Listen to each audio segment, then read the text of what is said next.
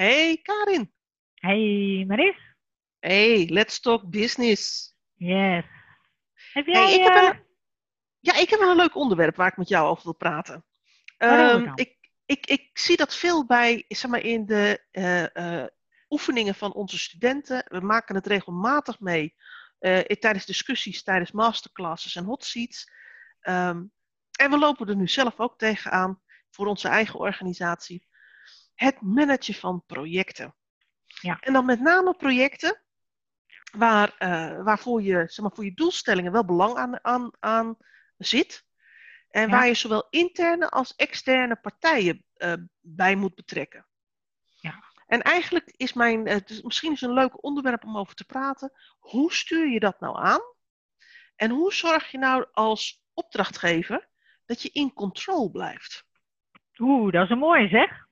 Ja, dat dacht ik. Want, want, toch, want we zien toch regelmatig dat de organisatie met je, met je wegloopt. Of althans, niet met ons, maar wel met andere partijen. Ja, en, en, en laten we gewoon kijken. Hè. We, we, hebben het, eh, we hebben het wel eens vaker tijdens Hot Seat, eh, eh, hot seat of tijdens deze Let's Talk Businessen, maar ook, thuis, ook tijdens Hot Seats. Bijvoorbeeld over het uit de hand lopen van IT-projecten. Hè, en eh, laten we wel zijn, als je de media een beetje volgt, dan weet je dat IT-projecten, met name IT-projecten bij de overheid, want die halen het nieuws nog wel eens. Ehm, nou, ik zou bijna zeggen, bijna standaard een, een, een, een keer de, de doorlooptijd erbij opzetten. Ja, En, en minstens 100% over budget gaan. ja precies. We hebben trouwens in de vorige Let's Talk Business het daar ook over gehad. En dat ging over ING en hun eh, IT-project. Om te Ja. komen tot, die plat, tot, tot, tot, tot dat financiële platform. Ja, en ook klopt. dat is op niets uitgelopen. Want A, het was te complex. Dus de Ja. scope van het project werd aanzienlijk beperkt. Eh, de kosten gingen omhoog. eh, de doorlooptijd ging omhoog. En dat, heeft, dat gaat er uiteindelijk toe leiden dat ING gewoon zijn strategische doel, zijn visie, niet gaat realiseren. Nee, dat klopt. En, en ik denk ook, hè, als we kijken naar onszelf, nou ja, wij zijn bezig met het, eh, met het bouwen van een nieuwe website. Eh, daarvoor hebben wij eh, onze, onze externe eh, communicatiedame. We hebben een, iemand die op de SEO zit. We hebben iemand die de website bouwt. Dan Ja. hebben we zelf natuurlijk onze, onze marketingdame. Wij zijn erbij betrokken. Ja. Het zijn voorbeelden van, van best wel complexe projecten, waarbij de, de, de gekkigheid is dat het eh, doen van zo'n project, hè, zoals bij ING, eh, direct te linken is aan bestaansrecht in de toekomst. Dus daar hangt nogal wat vanaf. Het is belangrijk genoeg. En ik denk ook dat iedereen dat beseft. Eh, er is een going concern die aandacht vraagt. Ja. Veel aandacht vraagt. Hè. Kijk even naar ING met het doorlopen van al die eh, dossiers. En op de een of andere manier raken die processen maar niet in controle, dit soort projecten. Nee, dat klopt. Waar, waar Ja, zit dat vergeet- volgens jou in?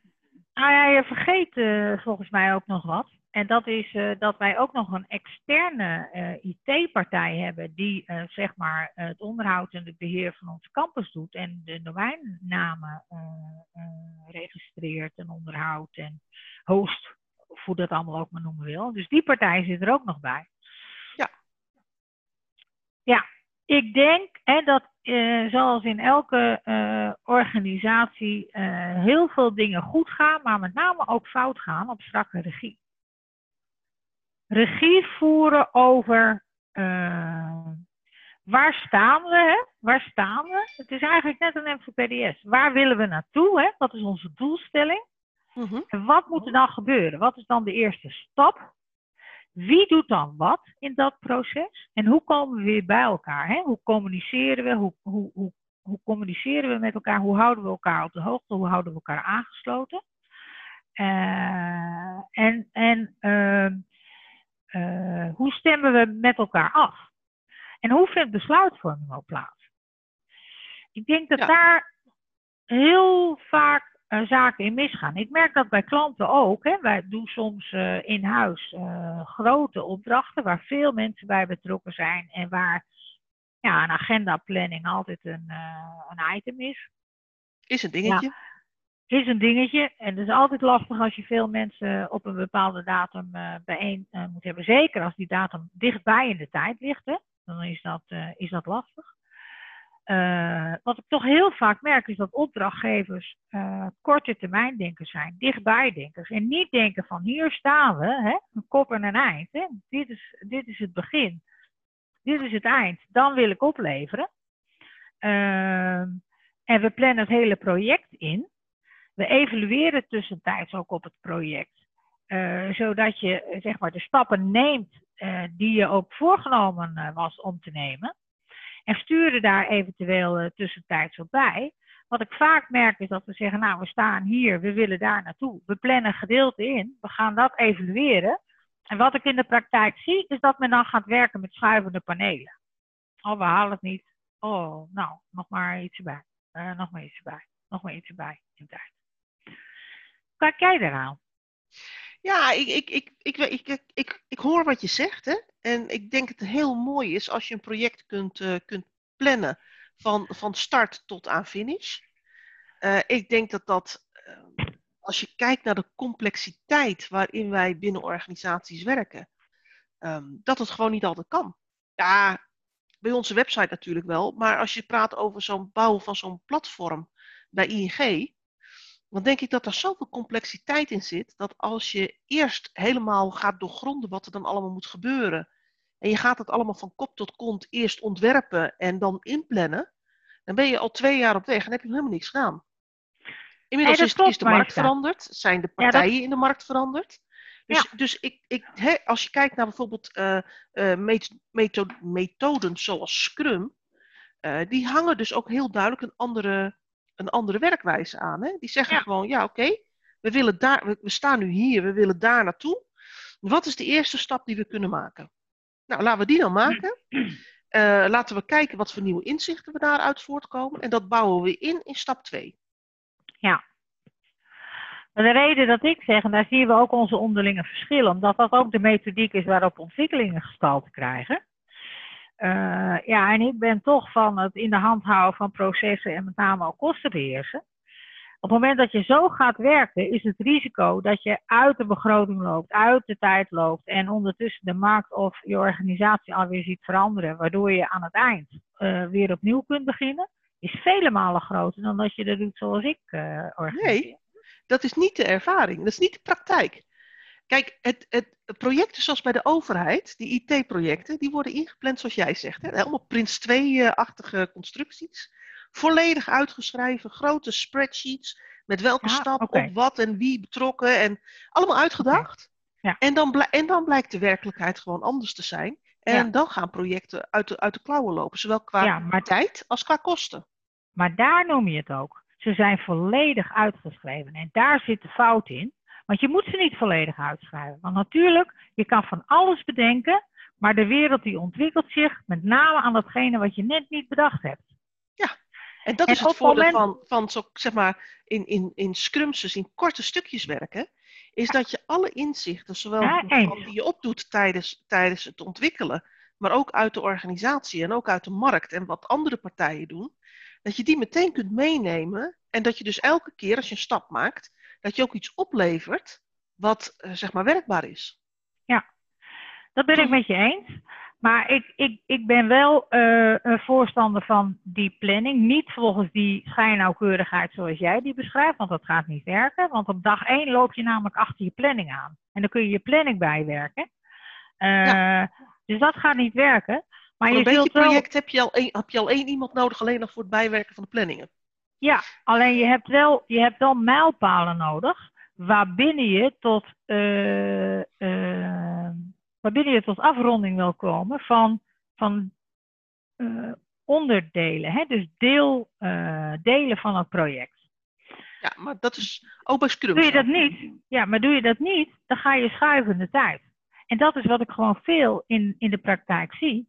En het nadeel van schuiven in de tijd is, je zou zeggen van ja, al die druk van tijd, hè, dat leggen we onszelf op.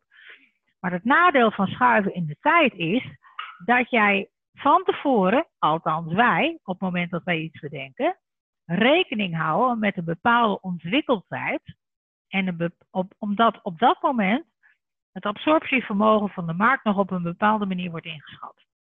Doe je er een jaar langer over, of soms wel twee jaar langer over, dan kan de wereld om je heen compleet anders zijn. En jij bent nog steeds met het ene project bezig wat maar opschuift in de tijd, maar wat helemaal geen zoden meer aan de dijk zit.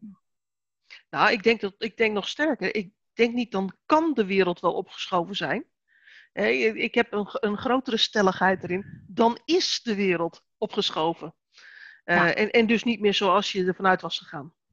Nee. Ja. Maar ja, we kijken daar wel anders naar, naar zoiets. Dat heeft denk ik ook te maken met onze voorkeurstijlen. En dat geeft ook helemaal niks. Waar we het wel over eens zijn, is dat je moet voorkomen dat je tot in detail gaat plannen, omdat dat niet gaat werken. Ja, ja en, en het, het, het bijzondere is, uh, wij weten dit hè. En wij zijn hier dus gewoon ons heel bewust van. Ja. Nou hebben wij vanochtend een bespreking gehad voor een van onze projecten. Waarbij wij alle twee het gevoel hebben van geen idee waar we zijn. Nee. Hoe kan het dan toch dat wij met alle kennis die we hebben over hoe, hoe het werkt, hè, en bij onze beide zeg maar, aanvliegroutes en voorkeuren, dat we toch alle twee dat gevoel hebben en dat dat project dus niet op de een of andere manier niet uh, uh, bestuurbaar is voor ons.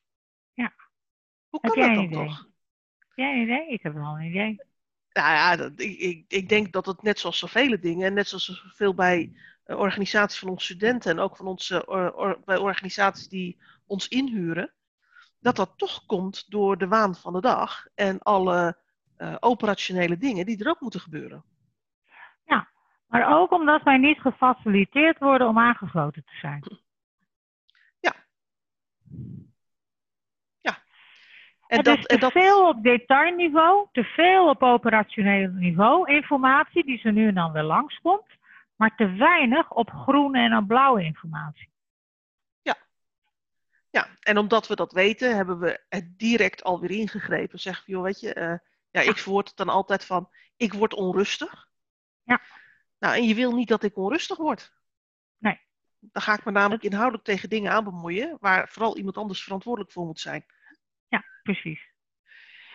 Nee, dat, is absoluut waar. En uh, ja, ik, ik vind al die uh, rood perspectief dingen, die uh, lees ik met een half oor, maar niet zozeer, in, die vind ik niet zo interessant. Dus eigenlijk lees ik ze niet. Dat betekent dat ik eigenlijk helemaal niet aangesloten ben. Hè? Want die rood perspectief denken, daar denk ik van ja, daar hebben we jullie nou juist voor. Daarom huren we jullie in en betalen we jullie een, uh, een voorstuk prijs.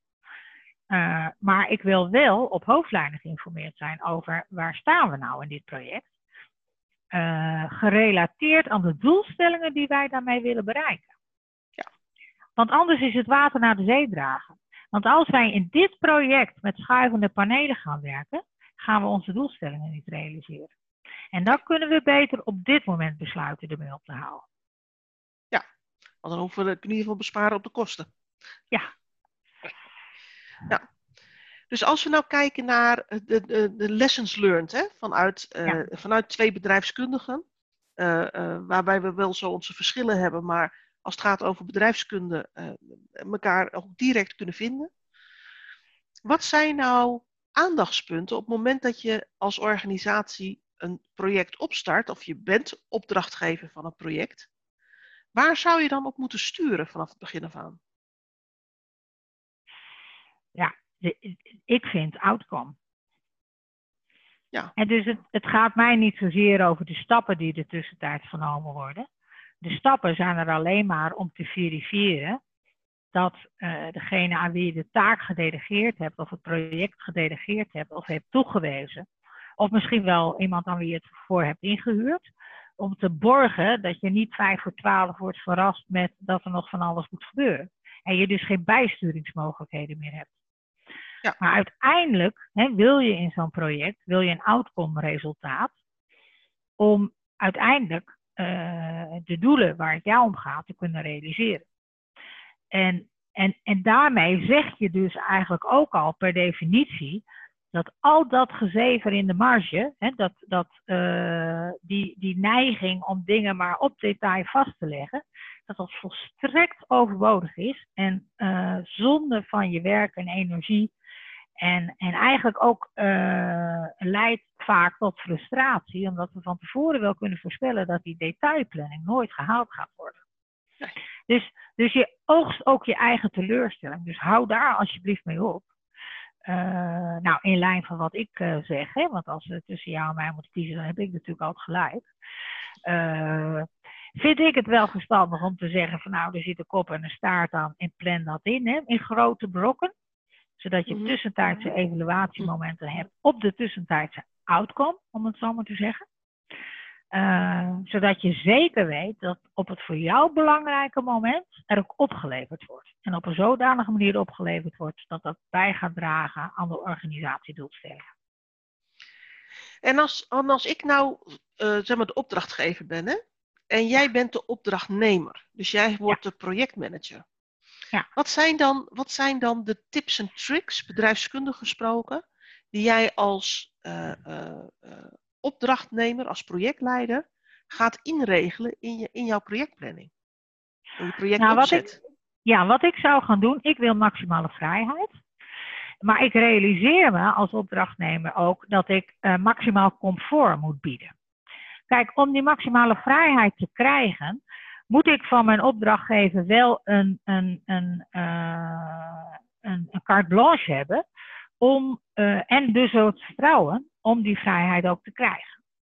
Daarmee zou ik hem dus een projectvoorstel doen, of haar, wat voorziet in gezette uh, momenten informatie geven en aangeven van hoe de planning op dat moment staat. Uh, zodat er gekoerst kan worden op de lange termijn planning waarin oplevering van het project ingepland staat.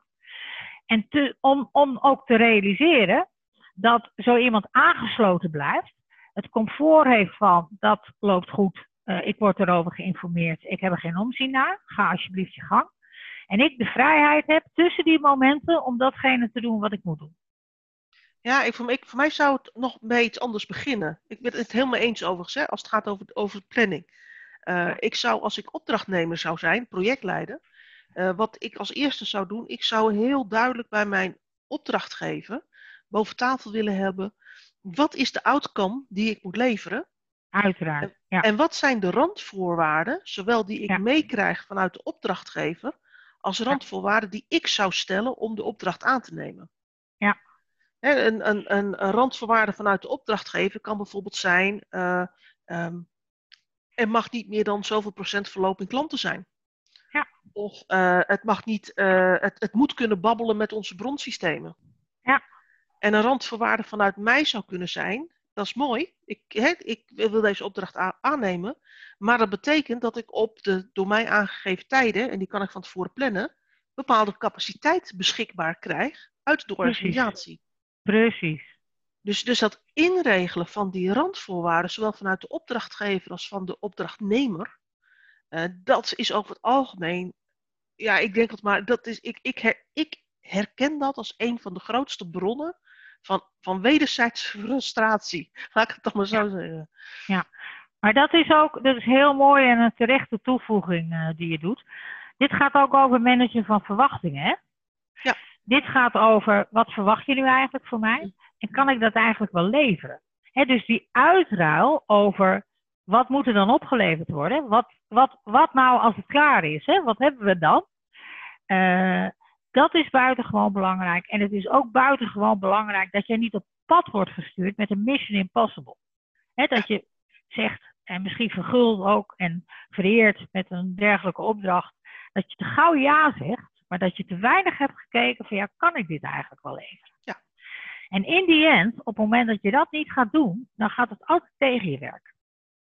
Want ja je kunt niet opleveren, je levert te laat op, er zijn allerlei problemen, er komt gedoe over.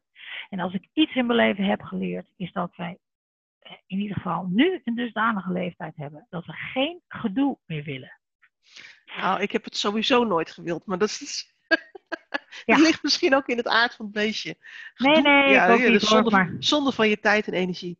Ja. Nee, en ik, wat, wat ik het mooie vind is op het moment dat je die opdracht zeg maar heel, heel scherp hebt en ook de randvoorwaarden, zowel vanuit de opdrachtgever, maar ook vanuit jou als projectleider, hè, als opdrachtnemer, ja. is dat je ook meteen, dat, dat je het ook eigenlijk heel zichtbaar kunt maken. wanneer er niet aan die randvoorwaarden wordt voldaan. Ja. En wat de consequenties daarvan zijn. Ja, precies. Bijvoorbeeld omdat er uh, intussen tijd een beslissing wordt genomen over een ander systeem, waar jij op dacht moet, waar, waar jij op aan moet sluiten, terwijl jij niet op de hoogte bent dat, dat er, of althans pas op het moment dat het feit daar is, dat er iets Ja. gaat veranderen in dat systeem. Ja. Hè? Hallo, dit heeft consequenties, hè? En, Ja. en zeg maar, het, dat, dat zichtbaar maken en dus ook op dat moment eh, kunnen aangeven, ja, wacht even, time-out. Nu is er wat veranderd in die randvoorwaarden. Eh, ik, ik moet me even bezinnen op wat dit gaat betekenen. Ja. Met andere woorden, wij moeten een nieuw contract aangaan op basis van die wijzigende omstandigheden. Zo is het. En Ja. daarmee hou je ook een hele grote zekerheid voor jezelf eh, in huis. Omdat je met dat nieuwe contract ook elke keer weer een onderhandelmoment krijgt. Ja. En op het moment dat je het zo doet, dan zet je jezelf ook heel wederkerig in die relatie. In plaats van dat je jezelf door onhandigheid in deze relatie manoeuvreert. Wat buitengewoon oncomfortabel voelt. Als wij deze discussie over randvoorwaarden en ook dat je als, als, eh, als opdrachtnemer, als projectleider randvoorwaarden eh, stelt, of als deel, zeg maar, eh, de- deelopdrachtnemer eh, binnen, een binnen een groter project en je stelt er randvoorwaarden bij, dat, we krijgen ook wel eens de, de, de reactie terug dat dat eh, heel erg past bij de cultuur van jezelf indekken en schuld afvangen en dat soort zaken. Ja, Hoe kijk jij daarna? dat vind ik altijd zo bijzonder. Ja, ik namelijk ook. Dat, Ja, Want eigenlijk is het, bijzonder. precies, het is precies het tegenovergestelde namelijk. Juist, want ik vind het namelijk een hele volwassen manier om met de zaken om te gaan. Ja, en het maakt jezelf, het zet jezelf namelijk enorm in verantwoordelijkheid. Ja, precies. Kijk, op het moment dat ik naar mijn kinder, kind naar de winkel stuur of naar de bakker stuur en ik zeg haal een brood. En mijn kind staat daar en die zegt dan heb je dan even geld voor me. Dan hebben we het feitelijk al over hetzelfde. Hè? Je bent, hè? mijn kind zegt van ja geef me dan wel even de randvoorwaarden mee waarbinnen ik dat brood kan halen. Ja. En dat is eigenlijk een hele normale gang van zaken. Op zulke kleine dingen lijkt het als ridicuul. Maar feitelijk is het niet meer en niet minder dan dit idiote voorbeeld over brood halen. Ja. En, eh, en ik denk dat wij onszelf te vaak in eh, ondergeschikte posities manoeuvreren. Hè? Dus te klantgezwicht eigenlijk. Niet klantgericht, maar te klantgezwicht. Waarin we eh, in dankbaarheid de opdracht aanvaarden. Uh, en proberen het binnen, met de middelen die we hebben in goede banen te leiden, in de hoop dat dat dan ook allemaal lukt. En te weinig volwassen kijken naar wat heb ik dan eigenlijk nodig om die opdracht tot een succes te maken. En laten we wel zijn, echte goede professionals die doen dat wel, hè? Die doen dat natuurlijk. En op het moment dat ze de randvoorwaarden niet krijgen, dan bedanken ze ook voor de opdracht. Omdat ze uiteindelijk weten dat zo'n opdracht weer meer ellende oplevert, of in ieder geval verlies van goede naam, dan, dan dat het hun, uh, uh, ja, dan dat ze de benefits ervan krijgen. Ja. Uh, maar ik kan me ook best voorstellen dat als het dun gezaaid is in de periode die nu voor de deur staat, de recessie, hè, dat je daar wel eens wat concessies aan doet. En dat je daar wat anders naar kijkt. En toch gaat het ook in die tijd om het leveren van kwaliteit. Zeker. En, Zeker en je, in deze tijd. Zeker in die tijd. Hè? Dus laat je daardoor niet verleiden om veel klantgezwichtig gedrag aan te nemen. In de hoop dat je een opdracht uh, krijgt. Uh, want uiteindelijk uh, gaat het over de kwaliteit van de opdracht en de kwaliteit van de outcome. En een goede werkgever of een goede opdrachtgever, die zal ook verwachten van jou als professional dat je inventariseert wat jouw voorwaarden dan zijn, wat jij nodig bent om die opdracht in goede banen te leiden, om tot succes te maken. Ja. En nou, heb, nou hebben wij vanochtend die bespreking gehad over ons uh, project, wat wij, uh, wat wij doen als uh, DNS Business School. Ja. Um, en daar hebben we zo'n voortgangsbespreking over gehad. En ik, ik roep het maar, ik, ik, vind, ik denk zelf altijd dat ik een hele, hele professionele opdrachtgever ben. Uh, want op het moment dat ik, dat, dat ik niet het zicht heb op de dingen die nodig zijn voor mij als bestuurder en als opdrachtgever vanuit, eh, vanuit deze organisatie, dan formuleer ik het altijd in termen van: ik word onrustig. Ja. En wat wij vaak natuurlijk tegen onze studenten en ook tegen eh, eh, managers en professionals in organisaties zeggen, die klagen over bazen en opdrachtgevers die aan het micromanagen zijn, Ja. eh, is dan, dan heb je je opdrachtgever ook niet goed op de hoogte gehouden. Nee, klopt. Want over het algemeen gaan mensen micromanagen op het moment dat ze het vat kwijt zijn. Ja. Vat op de zaak kwijt zijn. Het, het moment wat ik omschrijf als ik begin onrustig te worden.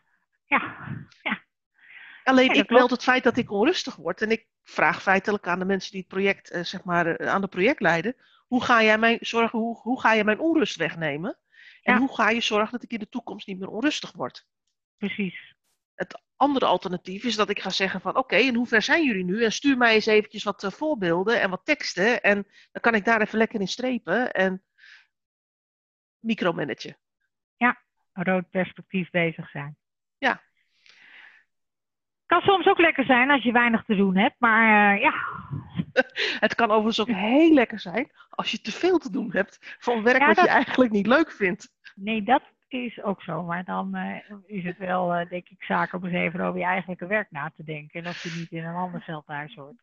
Ja, nou, ik heb ook wel eens, dan zit ik gewoon tegen een klus aan te hikken. En dan komen de mailtjes binnen en dan komen de appjes binnen met lekkere operationele vragen. En dan denk ik, nou, dan ga ik me eens even lekker tegenaan bemoeien. Ja, Ja, daarmee zeg maar, verdwijnt mijn werk niet, maar wel het momentum waarop ik eraan mee aan de slag moet. ja, ja. En heb je toch voor jezelf het gevoel dat je heel lekker druk bezig bent geweest. Ja, precies. Ja. Ja, wel, Nou ja, wel, wel heel efficiënt, maar vooral niet effectief. Nee, absoluut niet. Ja. Nou, De- Denk, Mooi je, denk, denk je dat wij ons project weer in de klauwen krijgen? ja, zeker. Want eh, ik denk dat we heel duidelijk hebben gemaakt dat er iemand is die regie voor ons voert. En eh, we hebben ook heel duidelijk gemaakt dat wij eh, ons comfortabel willen voelen en aangesloten willen zijn. Dus het zou mij ten zeerste verbazen als ons project op dezelfde voet voortgaat als dat het nu gebeurt. Ja. Nou ja, en als dat wel zo is, dan hebben we een heel ander gesprek. Ja, dan, eh, maar dan kunnen we ook eh, direct eh, en, en heel effectief ingrijpen. Ja, zo is het. Mooie inzichten over Ja, denk ik projecten. ook. En, ik, en ik denk daarmee ook mooi dat we die bedrijfskundige benadering van projecten en hoe stuur je daar nou op? Even los van de Ja. inhoud, hè? Want we hebben het helemaal niet over de inhoud gehad. Nee, En daar gaat uiteindelijk ook het besturen van zo'n project niet over. Nee, Dat vind ik altijd het bijzondere, is dat veel opdrachtgevers, ook onze opdrachtgevers binnen organisaties, eh, heel erg graag de inhoud in willen. Ja. Terwijl het eigenlijk het besturen van het project gaat niet over de inhoud. Nee, dat gaat helemaal over de randvoorwaarden en de logistiek, om het zo maar te zeggen. En de voortgang, gaan we ons doel bereiken, ja of nee? Precies. Dus er moet ook een soort van managementcyclusje op, hè? En, ah, dan komen we helemaal op jou te rijden. Een managementcyclusje. Vind ik helemaal heerlijk. Ja, die hebben we vandaag in ons eigen bedrijf ook weer gedaan. En dat geeft rust, want dan weet je dat alles is toebedeeld en iedereen overal mee bezig is. En dat er geen terreinen zijn die niemands aandacht hebben of zo. Waardoor je verrast kunt worden. Maar ja, dat is iets wat ik bijzonder vervelend vind. Eh, niet eh, als het gaat over leuke verrassingen in de privésfeer, maar zakelijke verrassingen zijn doorgaans negatief. Heb ik geleerd.